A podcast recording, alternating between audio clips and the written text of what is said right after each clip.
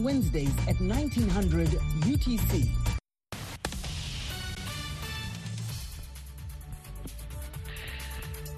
This is VOA News.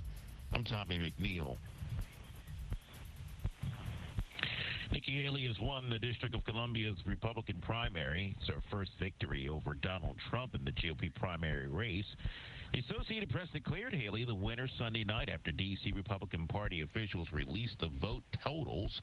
Her victory halts the former president's sweep of the GOP voting contest, at least temporarily.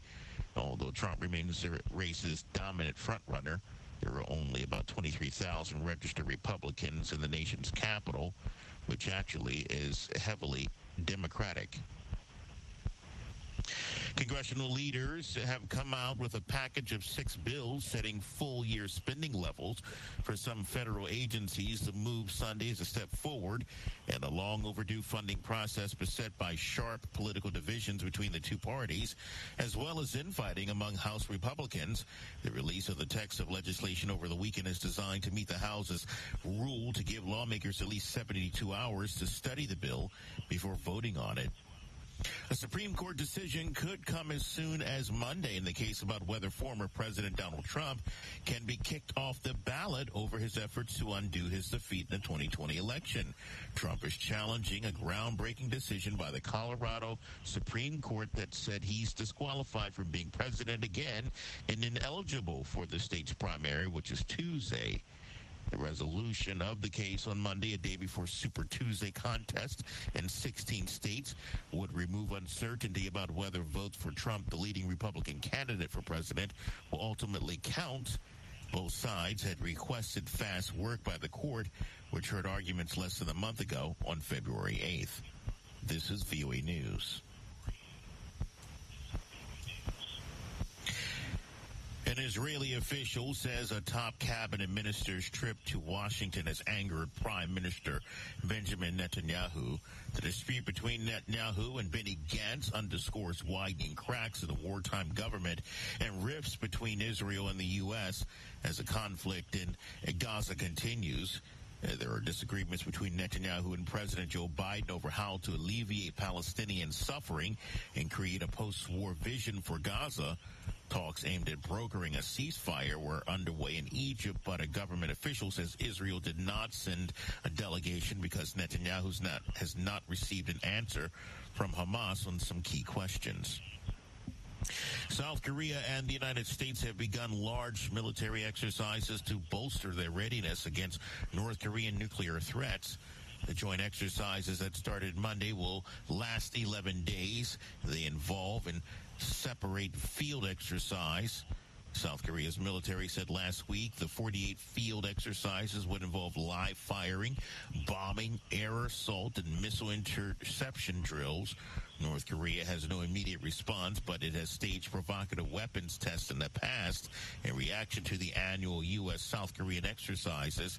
It regards the major military drills as a rehearsal for an invasion. U.S. Vice President Kamala Harris led marchers in Selma, Alabama on the 59th anniversary of Bloody Sunday, saying the fight for voting rights goes on even today. Harris and Attorney General Merrick Garland were in Selma Sunday with civil rights advocates. They say fundamental freedoms are still under attack in America. Harris took marches across the Edmund Pettus Bridge voting rights activists were beaten back by law enforcement to March on March 7th, 1965. Vice President criticized attempts in certain U.S. states to enact voting restrictions. Also, while there, Harris also called for a ceasefire for Israel and the war against Hamas. SpaceX has launched four astronauts to the International Space Station who will oversee the arrival of two new rocket ships during their stint. The U.S. Russian crew should reach the station on Tuesday following Sunday night's launch from Florida. They'll replace a crew from a U.S., Denmark, Japan, and Russia. Boeing's long delayed Starliner capsule pilots and a new private mini shuttle will cargo are due to arrive during the new crew's six month stay. NASA's Jeanette Epps was originally assigned to fly on Boeing Starliner. NASA finally switched her to SpaceX. I'm Tommy McNeil, VOA News.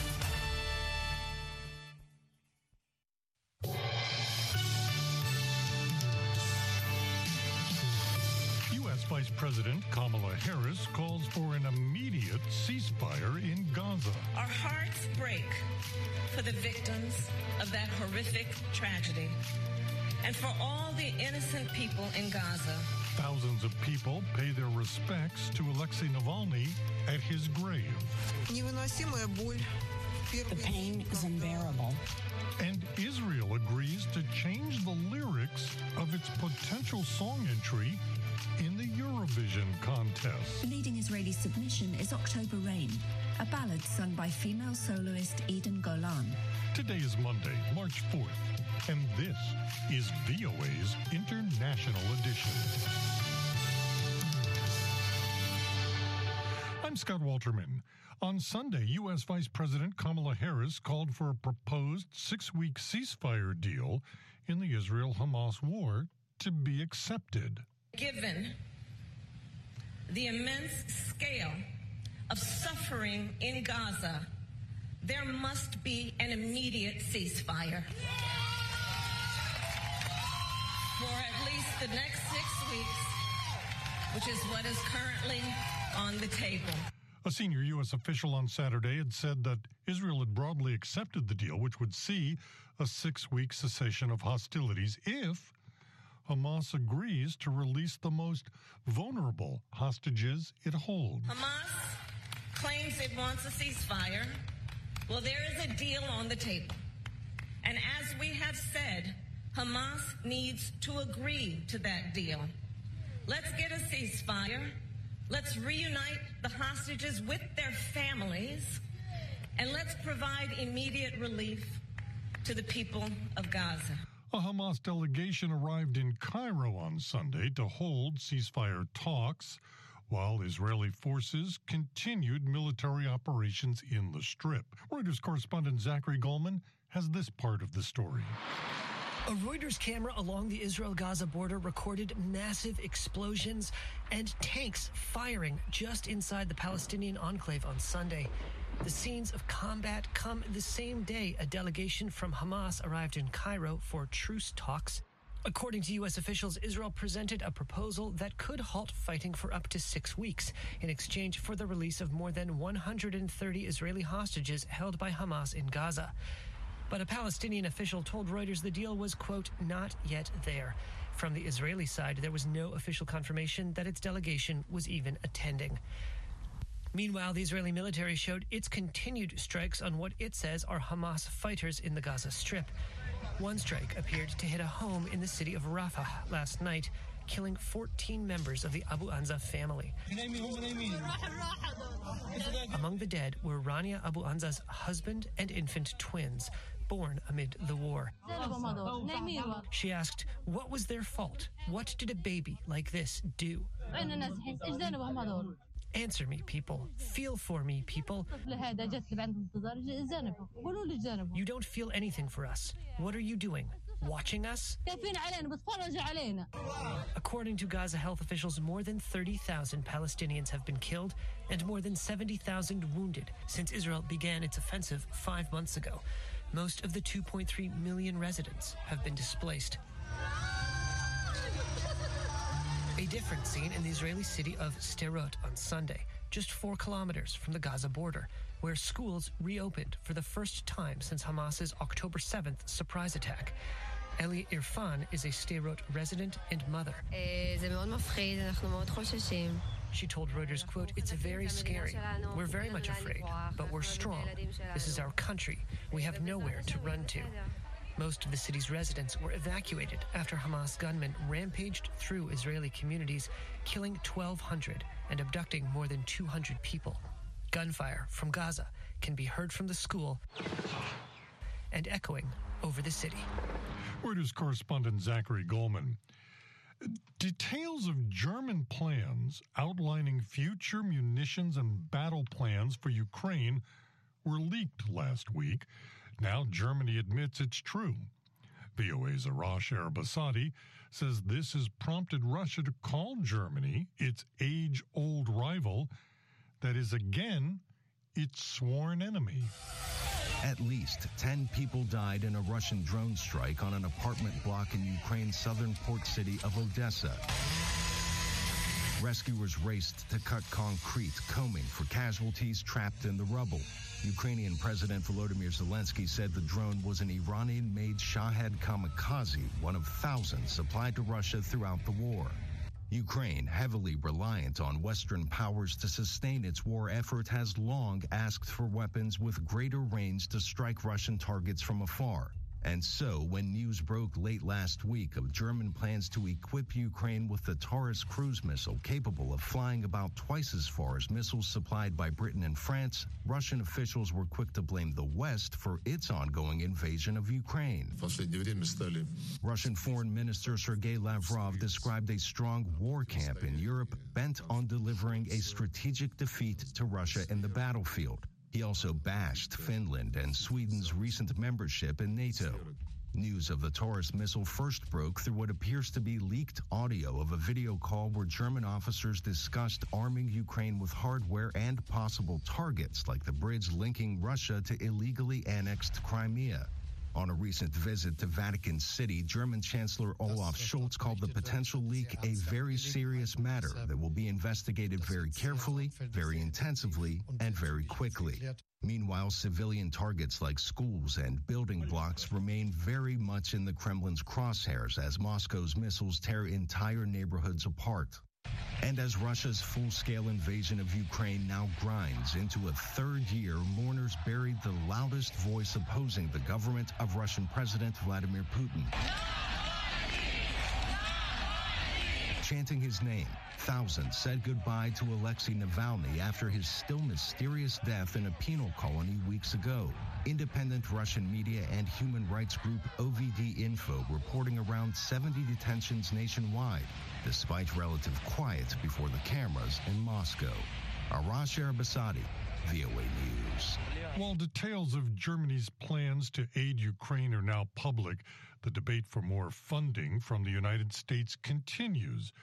VOA's Laurie London talked with David Kramer, executive director of the George W. Bush Presidential Center, about some of the myths being used to stall that funding. Well, one of them, of course, is the view that some espouse that Ukraine can't win. I imagine these are the same people who thought this war was going to be over in a matter of days and that Russia would take over Kiev, the capital, and remove Zelensky as president. Um, the Ukrainians, while not having achieved the success in the counteroffensive last year, have nevertheless made significant gains in the two years that we're discussing, including regaining more than 50% of the territory that Russia seized essentially destroying half of Russia's conventional military capabilities, inflicting some 400,000 casualties on the Russian side, driving the Russian Black Sea Fleet out of Sevastopol for all intents and purposes, restoring the export corridor through the Black Sea for Ukrainian agricultural goods. It's not surprising that the last 18 to 20 percent of Ukrainian territory that Russia occupies is the most difficult for Ukraine to gain. But Eric Edelman and I firmly believe that Ukraine is capable of victory if we provide them with the means to do so. It's critically important to remember that the Ukrainians are not asking for our men and women to go fight this fight for them. They are asking, however, for our military assistance. There also has been talk about a ceasefire. This was another myth that we attacked. People saying that uh, we should push for the Ukrainians for a ceasefire. The Ukrainians don't support the idea of a ceasefire. Zelensky is a democratically elected president, and he needs to pay attention to the views of his people. The Ukrainians,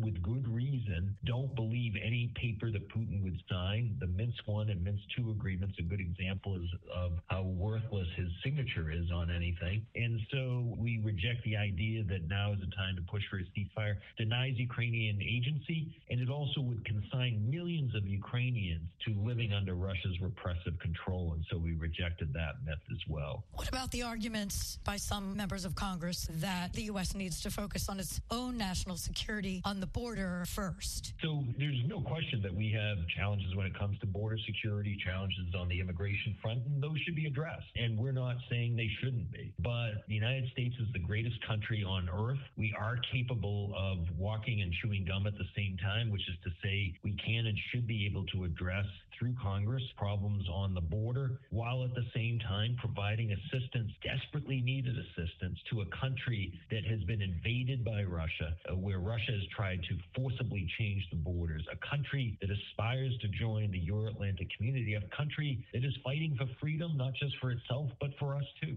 VOA's Lori London with David Kramer, Executive Director of the George W. Bush Presidential Center. He served as Deputy Assistant Secretary of State for Russia, Ukraine, Belarus, and Moldova. Alexei Navalny was buried in a Moscow cemetery three days ago. On Sunday, thousands of people were still coming to pay their respects. The pain is unbearable. On the first day, when he was buried, my body just couldn't cope, and I couldn't come, purely for human reasons. But today, I got some strength, and that is why I came to pay my respects, to honor, to bow before a brave man with whom our hopes were connected for a better future, for fighting corruption, for fair courts. Unfortunately, now this hope, though still remains, is depleting. Let's hope for the best. God save us. A quickly moving line of mourners with flowers stretched over 500 meters outside the cemetery gate with more people coming all the time.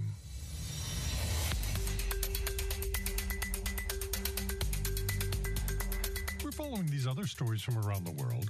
A ship attacked by Yemen's Houthi rebels has sunk in the Red Sea after days of taking on water. It's the first ship sunk by the Houthis. It could cause more detours and higher insurance rates for vessels using the waterway, potentially driving up global inflation and affecting aid shipments to the region. The Houthis are a U.S. designated terrorist group. At least three people dead on Sunday after hundreds of inmates escaped Haiti's main prison. An armed gang stormed the facility. The jailbreak marked a new low in Haiti's downward spiral of violence and came as gangs assert greater control in the capital, Port au Prince. Thousands of senior doctors rallied in the South Korean capital to support junior doctors who've been on strike for nearly two weeks. The government said it would begin to suspend the medical licenses of about 9,000 interns and residents for defying government orders to end their walkouts, which have disrupted hospital operations. Nikki Haley won the Republican primary in the District of Columbia on Sunday, giving her the first victory in the nominating contests of 2024 and slowing Donald Trump's march to the Republican nomination. Haley won the district 63% to 33%, according to tallies by the Associated Press. In winning the 19 delegates from the nation's capital, Trump's former ambassador to the UN nearly doubled her voting strength at the Republican National Convention in July but her 43 delegates still trail former President Trump's, who won the first nine contests and has amassed 244 delegates. U.S. voters in more than a dozen states head to the polls on Tuesday to choose their party's presidential nominee. Here's VOA's Veronica Balderas Iglesias with the details. Voters will head to the polls on Tuesday to indicate whom they favor as their party's nominee in the November presidential election. Former UN Ambassador Nikki Haley, who is trailing Trump for her party's nomination, told NBC's Meet the Press Sunday she'll continue in the race for as long as voters want her to be. They'll show it in their votes, they'll show it in their donations. Immigration is also among the topics that former President Trump chose to focus on ahead of what it's known known as Super Tuesday. We're going and we're not stopping. President Biden, who visited the Texas border last week, accuses Trump of scuttling a bipartisan border security bill. This past Saturday, First Lady Jill Biden shed light on another topic that she argues voters should consider ahead of Super Tuesday women's reproductive rights. He's considering a national abortion ban. Donald Trump is dangerous to women and to our families. We simply cannot let him win. President Biden is all but guaranteed to be his party's nominee. On the Republican side, Trump needs to secure at least 1,215 delegates to officially secure the nomination. It could take several days for all of Tuesday's results to be formally announced. Veronica Balderas Iglesias, VOA News, Washington. A Supreme Court decision could come as soon as Monday in the case of whether former President Donald Trump can be kicked off the ballot over his efforts to undo his defeat in the 2020 election. Trump is challenging a groundbreaking decision by the Colorado Supreme Court that said he is disqualified from being president again and ineligible for the state's primary, which is part of the Super Tuesday slate of contests.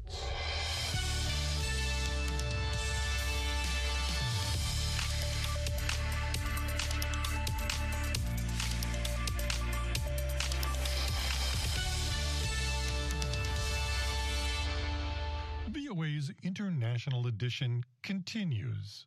I'm Scott Walterman. Pakistan's newly formed parliament elected Shehbaz Sharif on Sunday as prime minister for a second time, three weeks after uncertain national elections caused delays in the formation of a coalition government. Here's Reuters correspondent Vanessa Chan. Pakistan's newly formed parliament elected Shehbaz Sharif on Sunday as prime minister for a second time. This comes three weeks after uncertain national elections caused delays in the formation of a coalition government. It was met with loud protests from the Sunni Ittihad Council party, backed by jailed former Prime Minister Imran Khan. Lawmakers loyal to Khan banged on their desks and chanted opposition slogans. They alleged Shehbaz came to power through electoral rigging and called for the release of Khan, who was sentenced to 10 years in jail in a case for leaking state secrets. He Here's Sitarsh Gul, a leader from the PTI party founded by Imran Khan. Shehbaz Sharif cannot deliver to this country because he's not elected by the people of Pakistan. Uh, he has stolen the credit of the people of uh, PTI people and he has stolen the vote of Pakistani people. He cannot deliver. He's been imposed on the public of Pakistan. On February 8th, the South Asian country voted in an election marked by a mobile internet shutdown, arrests, and violence in its build-up. The unusually delayed results triggered accusations the vote was rigged. Shehbaz now returns to the role he held until August last year when parliament was dissolved ahead of February 8th election and a caretaker government took over. Reuters correspondent Vanessa Chan. Monday is World Obesity Day. Indonesia is facing a disparity in obesity rates among adults. Almost half of the country's women are overweight or obese, nearly double the rate of Indonesian men, according to data from the country's Ministry of Health. Dave Grunebaum takes a look for us.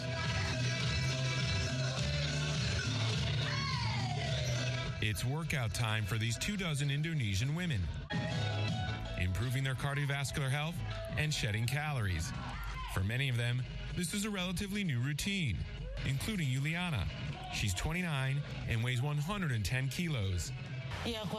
I did not get enough exercise and I had an unhealthy diet too. It's a common story in Indonesia, which is seeing rising obesity rates in all age groups, but especially among women.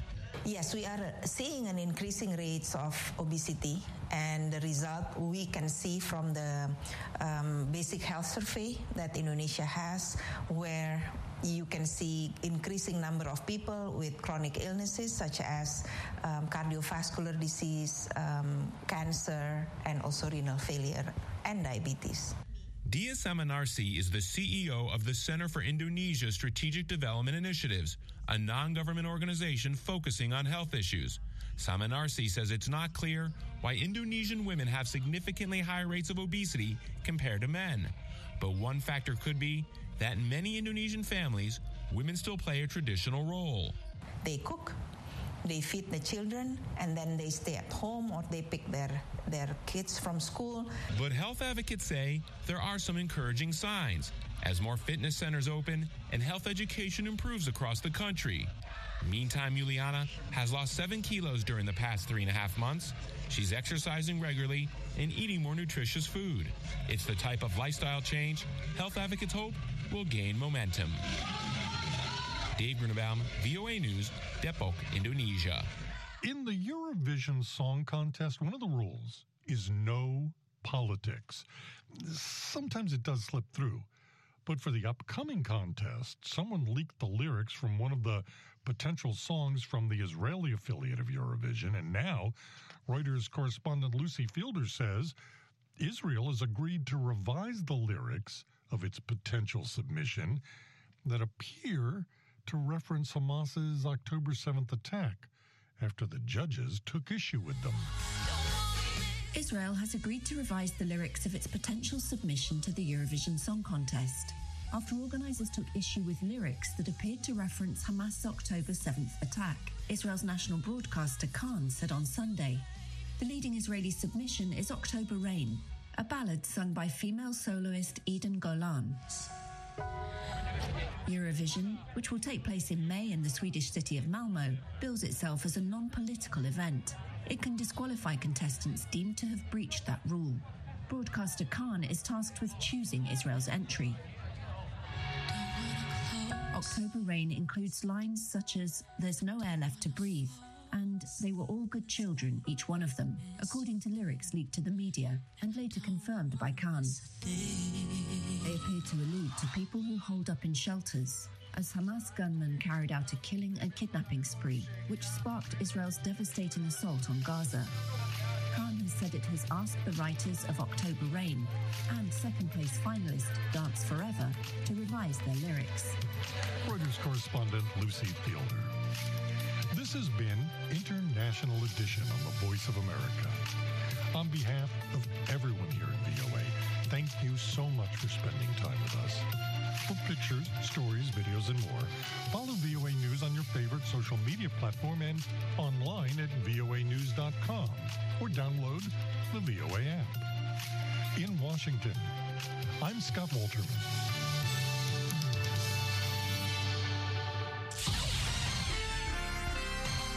Next, an editorial reflecting the views of the United States government. Since the war broke out in Ukraine two years ago, the U.S. Agency for International Development, or USAID, has marshaled more than $29 billion that has touched the lives of 17 million Ukrainians, nearly half the country's population. This support has not only helped displaced Ukrainians and those living on the front line survive with dignity, but has helped Ukraine build long term strength and self reliance.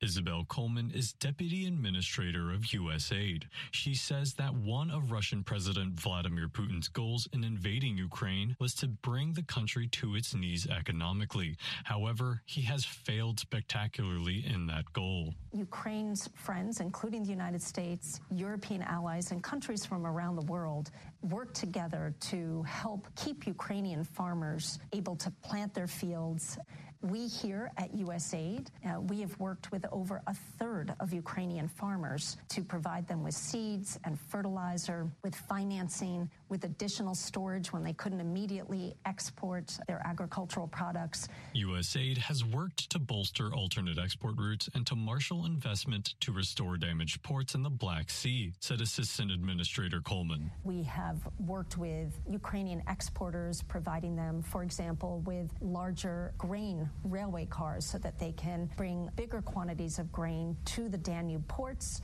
and onto barges there. We have worked with the ports themselves to provide pilot ships that can go back and forth and bring maritime pilots from land to, to the ships themselves and speed up the turnaround of unloading and offloading agricultural exports in those Danube ports. We have increased investment in different border crossings to again speed up processing. The strategy is working.